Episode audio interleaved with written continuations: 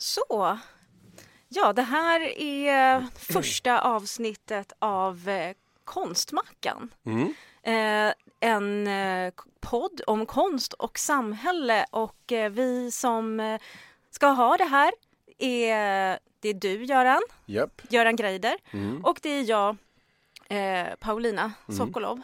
Eh, och första avsnittet tänkte jag skulle handla om en utställning vi har varit och sett som heter Att ta saken i egna händer. Mm, En utställning som pågår eh, på Mint, eh, ett ganska nytt ställe som ligger i källaren på ABF, för detta Sveagalleriet. Och vi kommer prata mer om vad det är och vad de vill också. Men eh, eh, det är väl lite så att det är jag som är konsthistoriker och det är du som är samhällspoeten. Okej, Och- det var vackert sagt. Ja, Ja. verkligen. Ja. Ehm, och ehm, det ska bli jättekul att det är just du. Ehm, för att jag är då konsthistoriker och har sett mycket konst och jag har också sett hur eh, konsten har liksom delat upp sig i en väldigt stor marknadsarena där mycket gallerier, det är mycket pengar.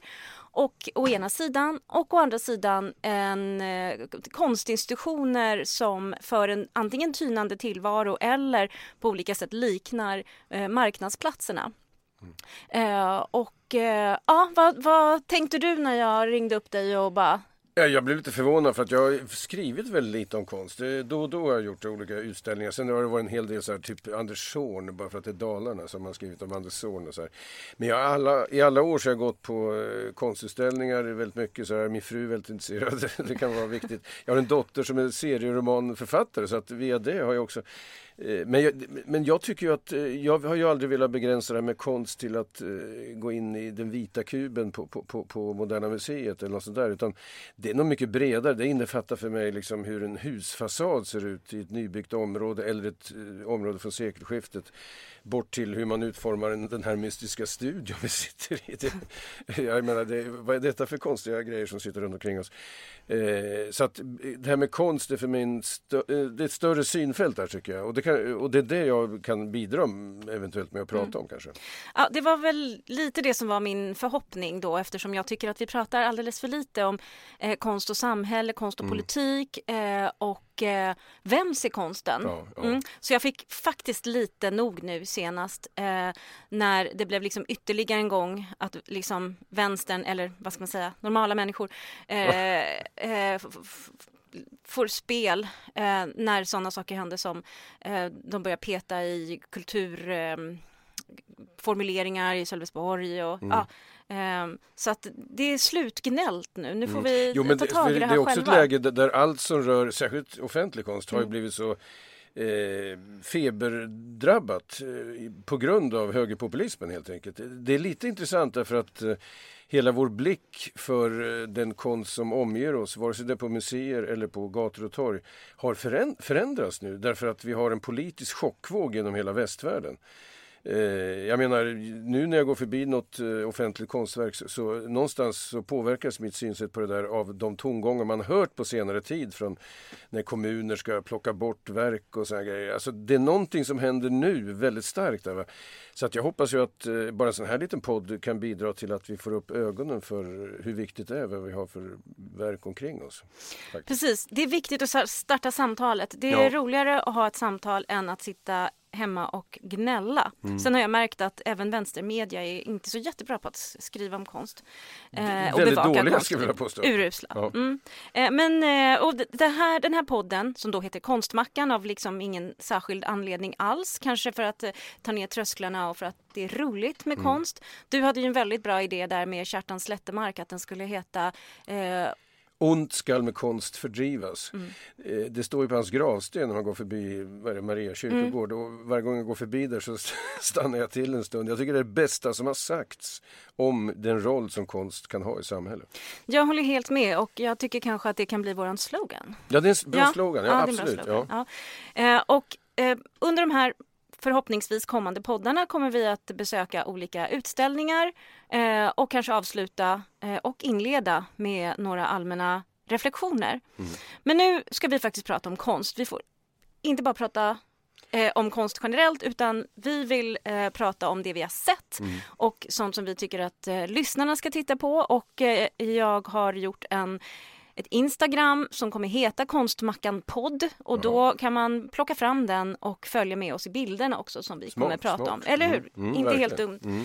Ehm, så då var vårt första besök är på Mint eh, och det heter Mint och det öppnade i april i år och eh, det ligger i eh, ABF-huset som grundades 1961 och eh, Eh, ja, vi kanske ska säga några ord om vad det är för någonting, för det känns viktigt också. Eh, det är ju eh, 1961 när eh, ABF-huset invigdes så invigdes även en konsthall. Så redan från början var tanken att eh, det här folkbildnings och studiecirkelspalatset eh, skulle ha ett eh, galleri med samtida konst och det eh, höll på fram till 90-talet då det stängde. Ja, det var ju väldigt levande. Alltså, jag var ju där och lyssnade på föredrag och sånt på 80-talet och då visade man att det fanns en källarvåning där det var, hängde konst. Liksom. Och jag tror att det upphörde kanske 92–93. eller något sånt där. Eh, och sen har jag alltid tyckt att det var så synd att det där var borta. Så när jag kom dit och jag fattar inte förrän nu att det blivit ett galleri där liksom. Igen. Eh, så jag, när jag kom dit nu här senast då när vi var och tittade på den här utställningen om glasblåsning så fick jag ju ett lite lyckokänsla i kroppen faktiskt. Eh, Äntligen har konsten hittat tillbaka till det där ABF-huset. Då blir konst, det, ta- det blir folkbildning av det hela också i bästa fall. Ja, och konsten får liksom ingå Mm. i eh, eh, folkbildningen igen där den, Hör inte, där den hör hemma, där Ja. den kanske har blivit väldigt styvmoderligt behandlad. Det är en fantastisk konst också på i ABF-huset men det kanske blir ett annat avsnitt. Mm. Eh, och då är det ett, två unga curators som har eh, flyttat in där men det är inte bara för att visa konst där utan de har, deras idé var att eh, knyta an till arbetarrörelsens historia och ABFs egen historia och att eh, temat på deras utställningar ska vara arbete ur olika aspekter. ja. Så att man tar verkligen fasta på den platsen och den historia man är på. Och utställningen heter eh, Att ta saken i egna händer. Och eh, eh, det är eh, konstnären Annika Elmqvist, eh, det är Adriana Monti, Benedetta Krippa och eh, curatorn som har gjort utställningen ehm, i det stora rummet heter Kristina Zetterlund. Eh, nu undrar jag, kan du beskriva hur det kändes att komma in och vad du såg och ge lite visuellt? Ja, alltså jag blev väldigt glad och som Intryck. sagt man tog några trappsteg ner till den där, eller man åkte, jag åkte hiss tror jag för jag hade en tung väska med mig. Och så steg man ut i den här, det var, det var, det var nyrenoverat också, tror jag. Det var väldigt vitt och fint där inne. Och jag kom i en svart rock som lyste där. Eh, och jag tyckte att det var en väldigt fin eh, idé med utställningen där. Eh, den handlar ju alltså om eh, glasblåsarna, vad de gjorde när de var lediga mitt på dagen. Kanske en timme. En del har ju berättat om de där glasblåsarna nere i Småland. Då, alltså, de eh, åkte hem och tog en snabb macka eh, på en kvart och sen skyndade de sig tillbaka. Och då hade de tid att göra precis vad de ville. Eller inte precis vad de ville kanske, men de tog väl det som fanns till hands, någon glasmassa och sen så gjorde de någonting av det där. Och det är några sådana föremål som är utställda där. Och det där är rätt fantastiskt. Jag tycker det passar perfekt i ABF-huset därför att eh, det där är ju, det är ju inte de här konstnärerna som var designers som man fokuserar på här utan det är grovarbetarna. Och det är inga grovarbeten utan det är finarbetare skulle man kunna säga verkligen. Eh, och de hade ju en enorm betydelse för vad som var möjligt att göra för de här konstnärerna. Och jag förstår, jag såg i någon skrift här om eh, saker och ting att eh, konstnären kom dit med någon knepig ritning och så var de tvungna att samtala ganska länge med jobbarna för att komma till klarhet om vad som kunde göras överhuvudtaget. Och, de grej, och så hänger det på väggen ett antal sådana saker som de gjorde när de var på ledig tid då, på lunchen. Va, va, va, det, kall, det är så konstigt ord det där, men sölning, man säger sölning. Ja, man hajar Ja. till lite Ja. eh, och så vill man förstå bakgrunden för att man tänker ju direkt att, eller jag tänkte så här att det handlar om att det som man säger när man har gjort något fint och någon säger vad fint du har gjort och så säger någon äsch det är det jag bara slarvar. Typ du Ja. kanske säger så när du skrivit en diktsamling. Ja, men jag, nej, jag, precis, jag, jag, jag tror det var så slang för att eh, på, på lunchen där och liksom, nej, har, vi, vi, har inte gjort mycket, vi har sölat, Ja, vi har suttit och slappat här liksom, inte gjort någonting. Men det var ju inte alls det förmodligen som det betyder. Nej, eh, vi fick veta att, nej eller så här var det, det, det var inte klarlagt men Mm. det kan ha kommit från franskan, eh, tout seul, Mm. någonting man har gjort alldeles själv som man har gjort inte i, i team utan att man har eh, tagit en liten stund och sen så lärt sig övat och övat och övat på någonting som är Ja. väldigt svårt. Kanske blåsa, alltså nu är inte jag glaskonstnär själv, men så här, blåsa en bubbla på rätt ställe Mm. eller, eller eh, böja en glasdel så att det blir som en snirkel Ja. eller fot eller en pip eller Ja. Det, jag, jag tycker det för det första är ofattbart att det kan komma ut former ur... Alltså det, det, det, är ett mirakel att det finns glaskonst, tycker jag. Alltså det, min, det tror jag alla har den känslan när de ser något som har tillkommit ur en het glasmassa och så blir det plötsligt blommor, svampar, hundar, ja, vaser och här saker. Alltså det är ett mirakel i sig som, som eh, jag tror att, det utgår fascination från allt som har med glas att göra, vill jag påstå. Mer än mycket annat.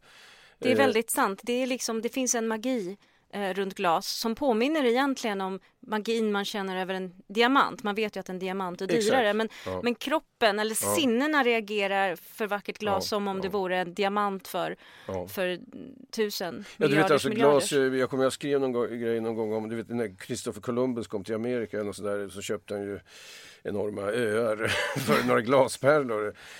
Kan- Man hade själv blivit lurad. Ja, ja, man så hade, hade, bara, ja, jag men tar jag en. hade, ja, absolut. Jag menar, för en, alltså, första, fortfar- jag kommer ihåg när jag var liten på skolgården när man spelade kula sådär. De få glaskulor som dök upp hade ju en enorm karisma. Det var ju inte vä- jag har ingen aning, kostade väl inte mycket- en krona mer kanske. Men just från de här genomskinliga glaskulorna så utgick en fascination som nog har funnits ända sedan människan började syssla med glas. Alltså. Och det där finns, så fort man såg de här små, det var inte många konstverk egentligen som satt på väggen i ABF-huset. Kanske var, jag kommer inte ihåg, sju, åtta, Jag tycker det var ganska många. Du tycker? Ja, ja. Ja. jag, jag hade väntat mig lite mer. Det är en liten kritik jag har mot utställningen också. Aha, okej. Nej, ja. för jag tycker nog att eh, de, de skulle ha försökt rota fram lite mer eh, föremål från hemmen där Mm. nere i Småland. Eh, Alltså vanligt folk sitter ju på massa föremål. Mm, Men det, det leder oss direkt in i eh, vad curatorns vision med utställningen Ja. var kanske inte att visa fascinerande eh, glasfigurer. Utan Men det är en bra berätta, startpunkt. Ja. Det, är en, Mm. det är en visuell startpunkt men berättelsen handlar egentligen om ett alldeles speciellt projekt som knyter an till ABF och arbetarhistoria och som jag gissar att du egentligen kan mycket mer om än jag. Det var ett projekt i slutet av 70-talet eh, som eh, ja, fackföreningarna i glasbruken initierade eh, som handlar om att eh, dokumentera arbetarhistorien, vilket är ganska oerhört. Det var ganska oerhört alltså. Jag menar, ända fram till 60-talet så hade ju arbetarrörelsen, de, de gav ut massor av skrifter och allt möjligt, men det var ofta ändå en betoning på nuet alltså. För man var i full gång med att göra grejer. Sen på 70-talet, det var ju kris överallt också. Det ska man inte glömma bort. eh, Neddragningar och omstrukturering och så här. Då blev det ju slags ibland ett, ett väldigt tänkvärt eh, tillbakablickande ibland faktiskt. Eh, Inte nostalgiskt utan det här med att människor ville skaffa sig kunskap om sin historia. Sven Lindqvist skrev en fantastisk bok då, Gräv där du står, som blev använd över hela landet. Liksom. det var han som blev känd, men jag förstår att det här var en Ja. rörelse före honom. Ja, men absolut. visst, han, alltså, men det var han som på något sätt, eh, jag tror inte han skröt ju aldrig med att det var han som uppfunnit idén. Nej, nej. Verkligen inte. Utan eh, det har funnits i flera olika länder också där det fanns radikal vänster. Och, alltså fackföreningarna på 70-talet, det var ju ganska många vänstertyper som gick med där, eller var med så här, och, och, och eh, satte igång lite nya grejer också. Och, och det här med att glasblåsarna nere i Småland sattes ner och tog reda på sin egen historia. Det är, det är rätt häftigt. Det, Det är som man säger, vare sig förr eller senare. Eller? Ja, Nej, alltså Det, det är verkligen en eh, häpnadsväckande sak. Man önskar ju att allt det där liksom hade fått en fortsättning i nästa steg av radikalism, men det fick det inte riktigt. Utan under loppet av 80-talet så tonades allt det där ner egentligen kan man säga. Eh, Och nu är det ju kris överallt eh, med de där sakerna. Men, det där är väl huvudtemat alltså att det är väl en idé här om att eh, arbetet i många sammanhang eh, var lika med instängdhet och man kunde inte få sin kreativitet tillfredsställd men det kunde man få på fritiden så att säga. Alla de här Folkets hus och sånt där som byggdes det gjorde man när man var ledig därför på arbetstid fick man inte ens gå ifrån fem minuter. Liksom.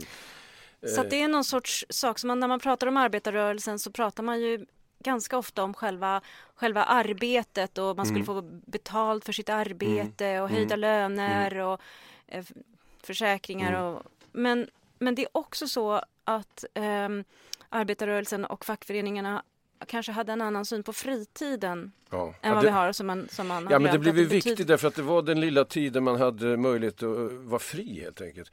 Eh, du kan se i har du sett den här filmen eh, om kolgruvarbetarna i England? Eh, Blast Off heter den. Nej. Det är en fantastisk film. De ska lägga ner alla kolgruvor i England och det är strejk och konflikter och så vidare. Eh, och i en liten ort, så här, eller flera orter, så har de då ett brassband. Alltså, de spelar musik. Det är fritiden. Mm. Och det där är också på väg att läggas ner då, när gruvorna läggs ner. Men själva idén om att det oerhörda är att vi sysslar med musik på fritiden. Det, det, är liksom en frihetsakt som är värd mycket mer än vad de förbannade kolgruvorna var värda. Va? Och det är lite grann samma sak eh, här. Va? Alltså att eh, även om människor har känt sig instängda i sitt arbete och så vidare så i det här fallet med glasblåsarna så är det ju så att eh, man tar ju det bästa sidan av sina kunskaper i glasblåseri, som var ganska tungt jobb, och använder det för något helt frihetligt. Alltså, det är ungefär som om en kolgruvarbetare skulle skapa skulpturer av kol. Mm, mm, mm.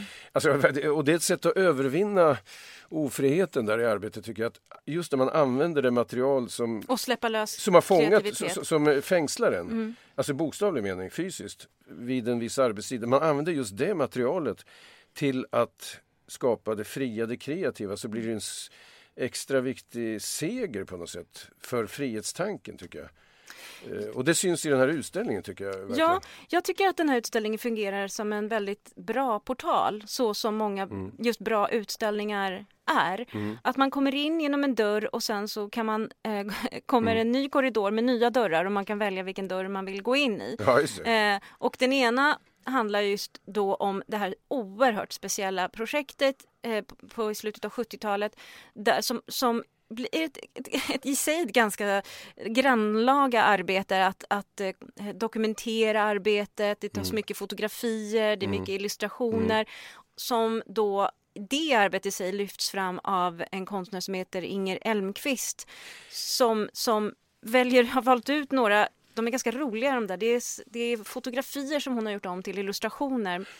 På glas? På glas. Jag, jag, jag, tyckte det där var fint alltså verkligen. Hon har tittat på i viss mening väldigt alldagliga fotografier ibland. Det kan vara fem, sju, åtta pers. Gubbar? Ja, gubbar. Eller ja, några gummor är med också. Som sitter runt ett bord på något fackmöte eller någonting. Och så har hon, jag vet inte hur hon har gjort riktigt, men, men eh, på något sätt så har hon fört över själva de här figurerna till glas. Ja, illustrationer. Illustrationer, hon har skrivit, ritat på glaset där.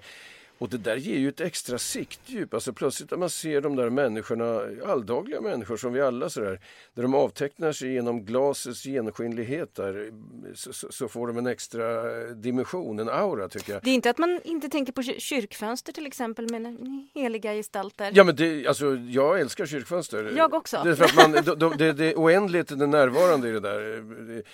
Ja, vad roligt att säga kyrkfönster för att det, det, det, det, får vi gå och titta på någon gång. Ja, det blir en ja, det är verkligen, ja. jag, jag, tycker mm. ibland att uh, gulnande björkar eller lönnar om hösten ser ut som jättelika kyrkfönster när solen lyser genom dem en klar höstdag. Ja, ja. och jag tänker att uh, glaskonstnärer eh, genom tiden, eller visionärer, sådana ja. som har planerat eh, så här, gamla munkar på 1100-talet. Ja, nu blev det ett hopp här, men vi pratar fortfarande om glas. Ja, om glas. Precis, eh, har såklart tittat i naturen och sagt så där vackert vill jag göra ja, men, jo, jag, jag tror att det kan vara så. Mm. Nej, men de där bilderna hon gör då, då lyfter hon ju fram de här människorna som en gång slet i de där glasverkstäderna eh, och sen satt de på fritiden och i sina fackföreningar och eh, i andra sammanhang och skulle berätta om den långa historien eh, om, om, människor i trakten där.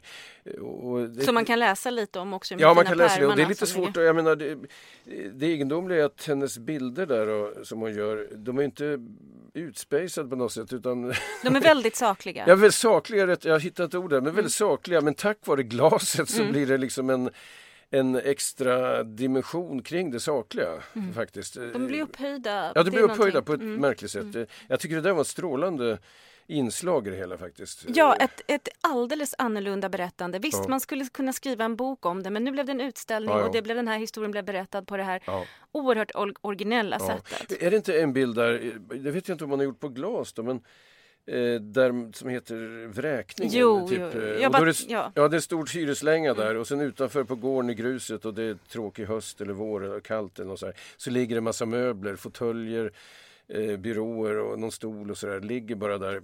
Och det där var från början en väldigt suddig bild sa hon eh, som man inte såg så tydligt på. Men hon hade väl suttit och stirrat på den där nu ganska länge och till slut så ser de mer och mer detaljer. Och så växer den där bilden fram. Men, men var den på glas? Den var på glas. Jag var faktiskt var den, ja. tillbaka Ja, på lördagen eftersom Ja. jag var på Socialistisk Forum så gick jag Ja, tillbaka just och tittade på, på det här och den är på glas och den är oerhört gripande och det, Ja. det är som du säger att eh, från det här suddiga svartvita fotografiet, att hon lyfter upp det och det blir liksom fullständigt gripande och Mm. det- återigen är det en, en mm, en ganska, vad ska man säga, religiös bild. Jo, nästan. jo, För den är så utlämnande. Ja, den den måste ut- vi lägga upp på Instagram så Ja, att, eh, att lyssnarna liksom, kan, det, det, kan se det. är saklig dramatik. Alltså, det är ot, Mm. otroligt drama i själva bilden och samtidigt som det är, det är så klara linjer och enkla linjer och så här, med möbler och någon enstaka människa. Så att, eh, ja, det, var en det, det, det nästan gjorde störst intryck på mig faktiskt Ja, eh, ja. på den där Mm. Utställningen. Så det var liksom en dörr man kunde gå in i, en annan Mm. dörr man går in i som jag tänker på. Jag kommer ju också från auktionsvärlden. Jag har sett Mm. otroligt mycket glas. Mhm. Eh, för det går på auktion Mm. och svenskt glas har ju en alldeles, alldeles särskild status. Ja, är det så? Eller är det- Swedish jag har inte trott att det är lite en myt, men det är det Nej, inte. det, Ja, okej. det, är, det, det är ingen myt och Alltså. det är en myt som i och för sig har sin grund i ja, från och med 20-talet med, med Parisutställningen där Sverige, Mm. nu pratar vi 1925, det är alltså snart Mm. 100 år sedan, det. där Sverige utmärkte sig något kolossalt med Mm. Swedish Grace, Mm. eh, Erik Gate och sådana namn. Eh, och sen så på Stockholmsutställningen och sen även ah, vad ska jag säga? Jag tror att eh, svensk glas haft, eh, nej det har fortfarande hög status, Ja, både med så. Bertil Mm. och Ulrika Mm. Hydman Wallin men också Just, Ann Wåhlström och Mm. Ehm, ja, nu kommer jag inte på några fler. Eh, men då är det ju de här speciella namnen, det är väldigt så här, namnorienterat. Mm. Ja. Eh, och samtidigt som då glasets historia i Sverige är så speciellt med att eh, glasriket etablerar sig i, vad ska man säga, mörkaste Småland. Ja, det är det småländska höglandet nästan. Alltså det, det, det, det, är ett mysterium att det är just... Varför är det just där? Men det kan jag svara på nämligen. Ja, ja. Svaret är att det behövs ju fruktansvärda temperaturer Ja. för att eh, eh, skapa glas och Mm. formmassa. Du behöver sjukt mycket träd. Ja, okej. Ja, ja, jag förstår det. Ja, ja. Eh, ja, och det finns ju gott om granskog, ja, gran och ta- Jag förstår. Mm. Ja, det är därför helt enkelt. Det krävdes mycket eldnings, eh, eldning, alltså Ja, ved. Plus det var Gustav III som bestämde att det skulle bli glasrike där och då tror jag att han tänkte så här, precis som man tänker om Småland med all respekt för alla smålänningar, att det är lite dead end. Vad ska, vad ska vi ha där? jo, jo det, det är verkligen, eh, särskilt om man kommer upp på småländska höglandet. Det känns, man, det känns ödsligare där än vad det gör på glesbygden i norra Dalarna. Jättekonstig känsla. Ja, nej men precis. Jag har jobbat i. Kalmar en gång i tiden. Det känns Ja. verkligen så här, ja dead end. Ja, jo. det är mycket, mycket vackert. Det är bara det att man känner så här, ja, Ja, sen tar det slut. Ja, hit men inte längre. Ja, det, är ja. Eh, ja.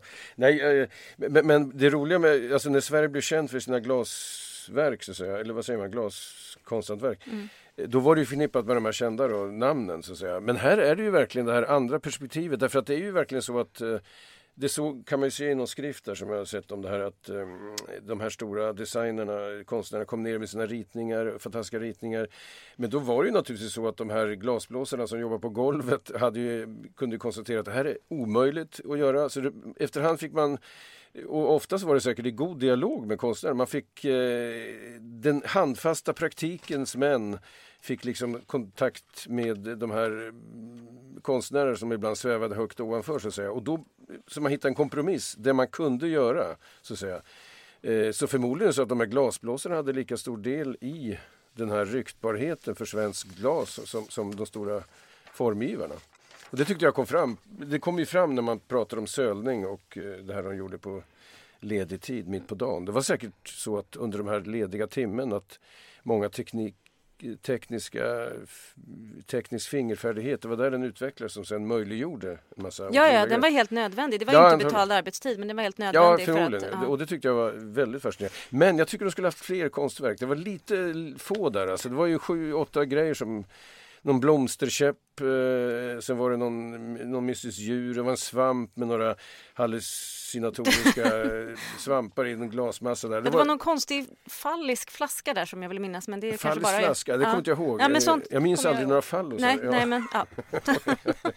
Ja, nej men det var, det var säkert, eh, jag tyckte nog- jag hade nog, jag, jag, man säger så här, jag längtade efter att få se fler exempel på sölning bara, Mm, enkelt. Så att egentligen var det väl bra att det var liksom mer en smakprov på det där. Det, Mm. Ja men det är man- väl lite bra tycker jag Ja, också. det ligger något när hade när gått- väcker, alltså att man inte känner Ja. sig så här, alltså se en flaska till så smäller jag av. Ja, precis. Men vet, jag fick ju den här känslan, jag går ju mycket på loppisar då, Mm. här, och då, stora delar av de här stora loppisarna består ju av massor av sådana här porslins och glasgrejer som står på hyllor Mm. som man bara går förbi. Så där. Nu nästa gång jag går på en loppis så kommer jag gå väldigt noga och titta efter exempel på sölning. Det måste ju finnas sånt. Ja, ja visst. Ja, ja, men det- jag aldrig Ja, tänkt på visst. det. Eh, det Därför måste någon, som, någon gammal släkting som inte vet vad det här för konstig Ja häst precis, som och inte det ser gör ut, så med nu när liksom. farfar är Ja, död liksom, ja. och så hamnar det på loppiset där. Så att nästa gång jag går på loppis så kommer jag se med helt andra ögon på de där Ja. tråkiga hyllorna med här prydnadsgrejer.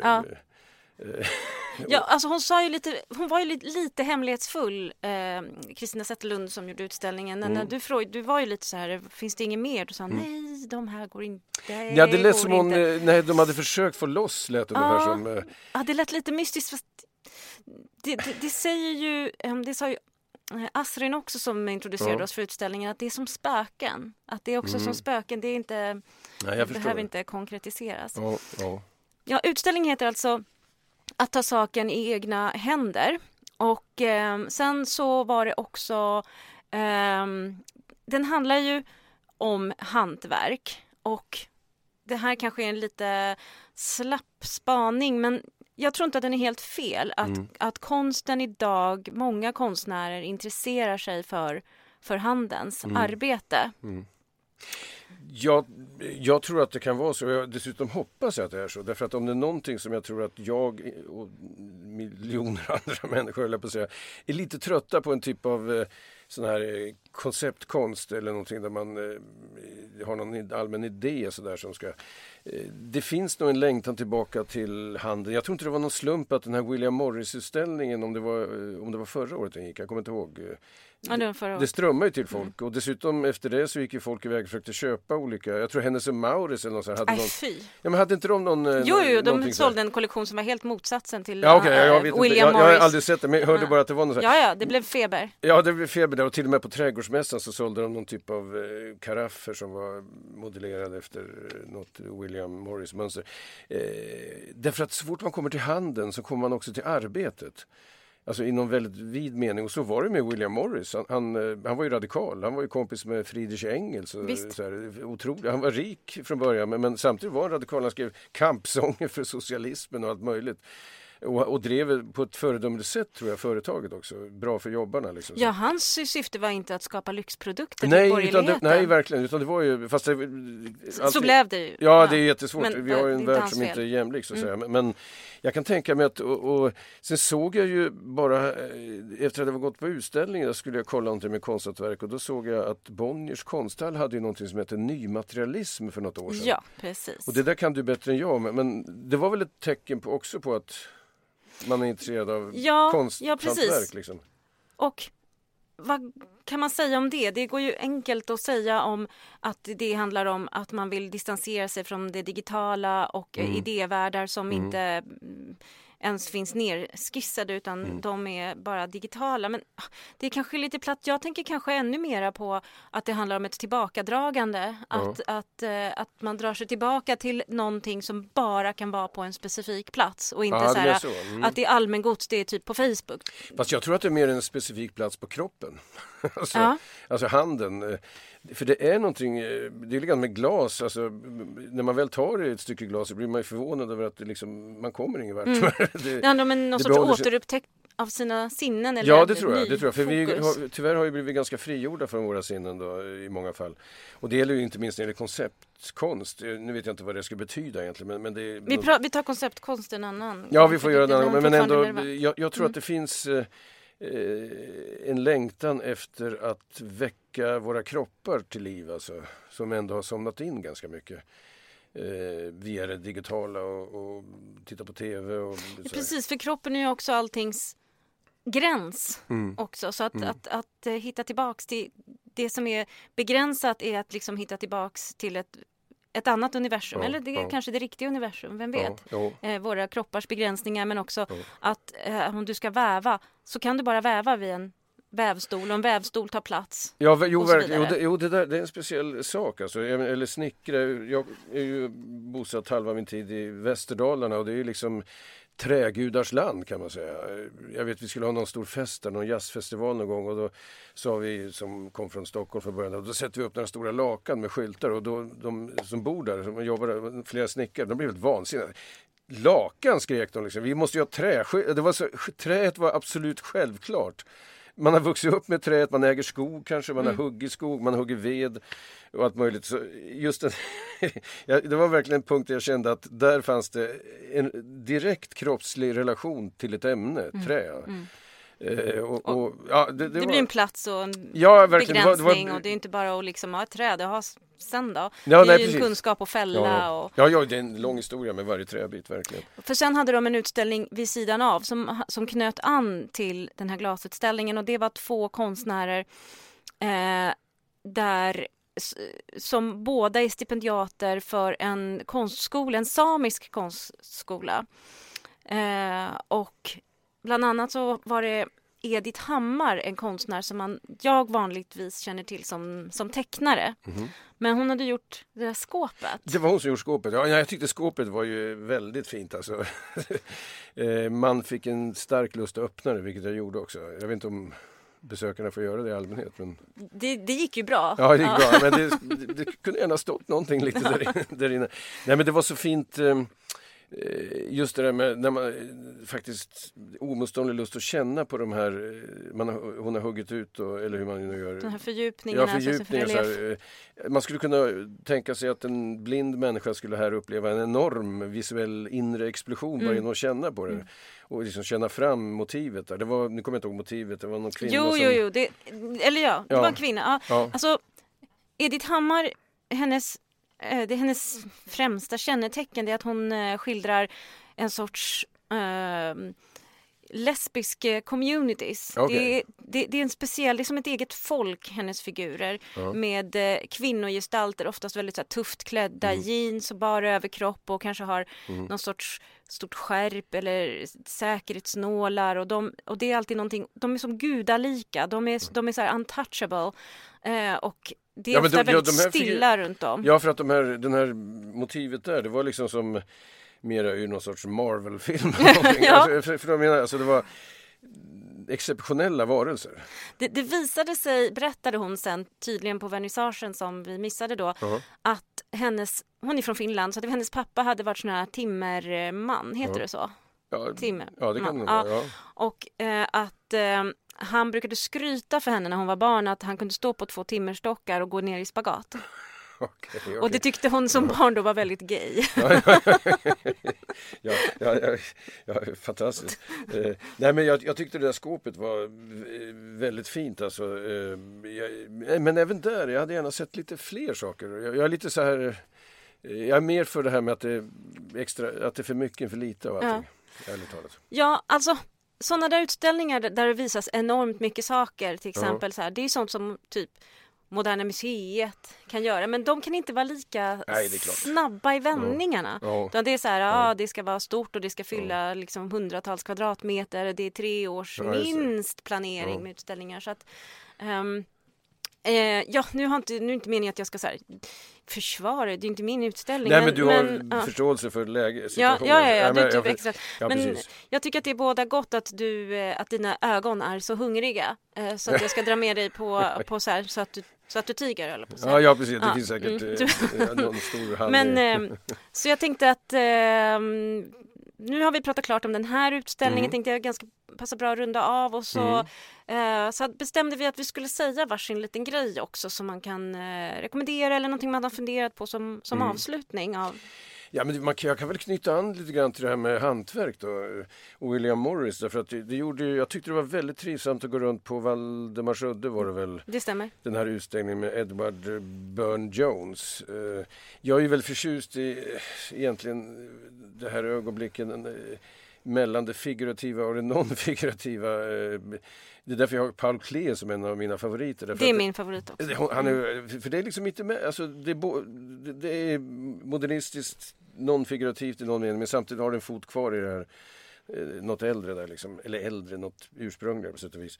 Eh, och jag tycker att det är likadant lite grann med Edward Burne Jones. Alltså. Det, jag kan inte påstå att jag, jag gillar inte så här, vissa sagomotiv, det blir för mycket ibland. Men, men det är någonting med hela det där projektet att eh, ge liv åt eh, någonting eh, som jag upplever som tidlöst i någon mening. Va? Jag, jag, jag, jag tyckte det var en fin utställning Mm. faktiskt. Eh, Och han var ju kompis då med William Morris. Nu vet inte jag vilken grad han sysslar med Alltså Edward Burne Jones sysslar med mera hantverk, det gjorde han väl inte kanske? Nej, han Eller? var, han var först och främst målare. En Ja. fruktansvärt skicklig målare. Det, Ja, jo, det jag såg den faktiskt. utställningen också. Att Ja. Jag blev väldigt... Jag tycker sånt, jag tycker sånt med åren att Ja. det är faktiskt väldigt viktigt. Ja. Jag kan bli väldigt störd över när det är någon som ska måla likt och sen ändå inte liksom får till eh, nerven Ja. i, i anatomin och sådana saker.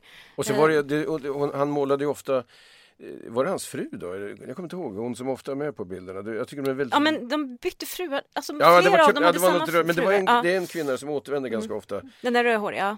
Är hon rödhårig? Ja. Ja. det kanske var, just det. Eh, nej men det, jag tycker det var sån vänhet i, i de där porträtten som jag tyckte var väldigt Ja, vackert. Alltså. ja. Någon mjukhet där som eh, jag tyckte var kärleksfull. Alltså. Det är rätt intressant ehm, riktning det där för att världen är ju på väg mot det moderna. Vi har ju liksom eh, Munk som redan och, och Strindberg också för all del som är det. på väg mot någonting helt annat. Mm. Eh, och sen så har vi eh, en grupp människor som är eh, radikala men samtidigt väljer en för, Antimodern. förlåt uttrycket, jag vet Ja. att du inte gillar men det är faktiskt en reaktionär Ja. Ja. eh, syn Mm. på bara- konsten. Jo, ja, precis. Men, men det är bara det att ibland så måste vägen till det riktigt moderna måste ibland ta vägen via det reaktionära, det återblickande, det konservativa.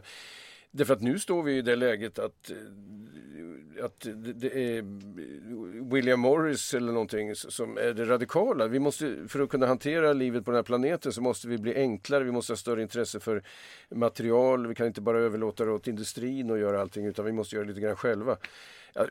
Hur ska jag säga? Eh, jag tror ibland man måste ta den där långa omvägen och då kan den se reaktionär ut. Va? Men om man tar många kritiker av industrialismen på 1800-talet där Morris och de här pre-rafaeliterna ingick antar jag. Eh, det kunde framstå som reaktionärt då men nu framstår det snarare som framåtblickande. Alltså, om vi ska lära oss sätt att vara i denna värld utan att förstöra biosfären. Alltså det som ser ut som det reaktionära behöver inte alltid vara det. Jag måste faktiskt ge dig rätt i det därför att den här synen på att moderniteten måste vara abstrakt. Det är ju en konsthistoria som har skrivits av, Exakt. av eh, några Ja. som är väldigt eh, västerländsk eh, hierarkisk syn som ser det på någon sorts liksom, positivistisk, Mm. kronologisk, så här, sen hände det, sen hände det och sen kom eh, kubismen och alla som inte passade in i kubismen eller var män för, Ja, för all del eh, var reaktionära. Så Ja. jag, får, Ja, jag, tar, jag tar tillbaka det som Ja, nej, man kan verkligen grubbla över det där. Mm. Därför att det, det, det är en svår... Dessutom är det ju alltid det här märkliga att, jag menar, Bach skrev flera hundra år före Gustav Mahler, men Bach är inte sämre.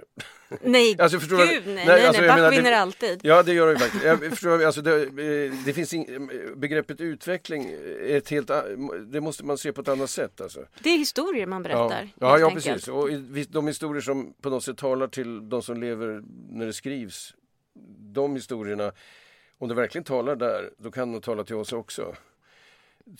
Eh, Skulle jag tro i alla fall. Det är det som är så himla vet, fint ja. med både musik och med konsten, att man Ja. kan eh, eh, tala med varandra genom sekler. Verkligen. Ehm, Den här utställningen som du nämner med Edward Burne Jones på Valdemarsudde, den pågår till den 26 januari, det kollade vi upp innan. Just så det. att det går bra att titta Ja, på den ja. och en bra, bra julgrej. Och, eh, ehm, eh, konstutställningen Att ta saken i egna händer, det kommer jag inte ihåg i huvudet men det kommer jag skriva på Instagram så att ni slipper leta upp Ja. det. Ehm, och ehm, så hade jag tänkt att vid nästa avsnitt kommer vi att faktiskt besöka en helt annan plats än ABFs eh, källare. Eh, om allting går som det ska så kommer vi att få en introduktion till konsten och konstprojekt särskilda konstprojekt som pågår på Handelshögskolan. Där ska de ta emot oss. Det är verkligen in. Med viss tvekan, men vi är välkomna. Ja, jo, nej, jag, jag har varit där, deltagit i debatter ibland. Det är Lejonets kula. Det, jag har gått därifrån uh, ursinnig. Det ska bli spännande att se dig ursinnig. Eh, tack så jättemycket Göran. Ja, tack själv.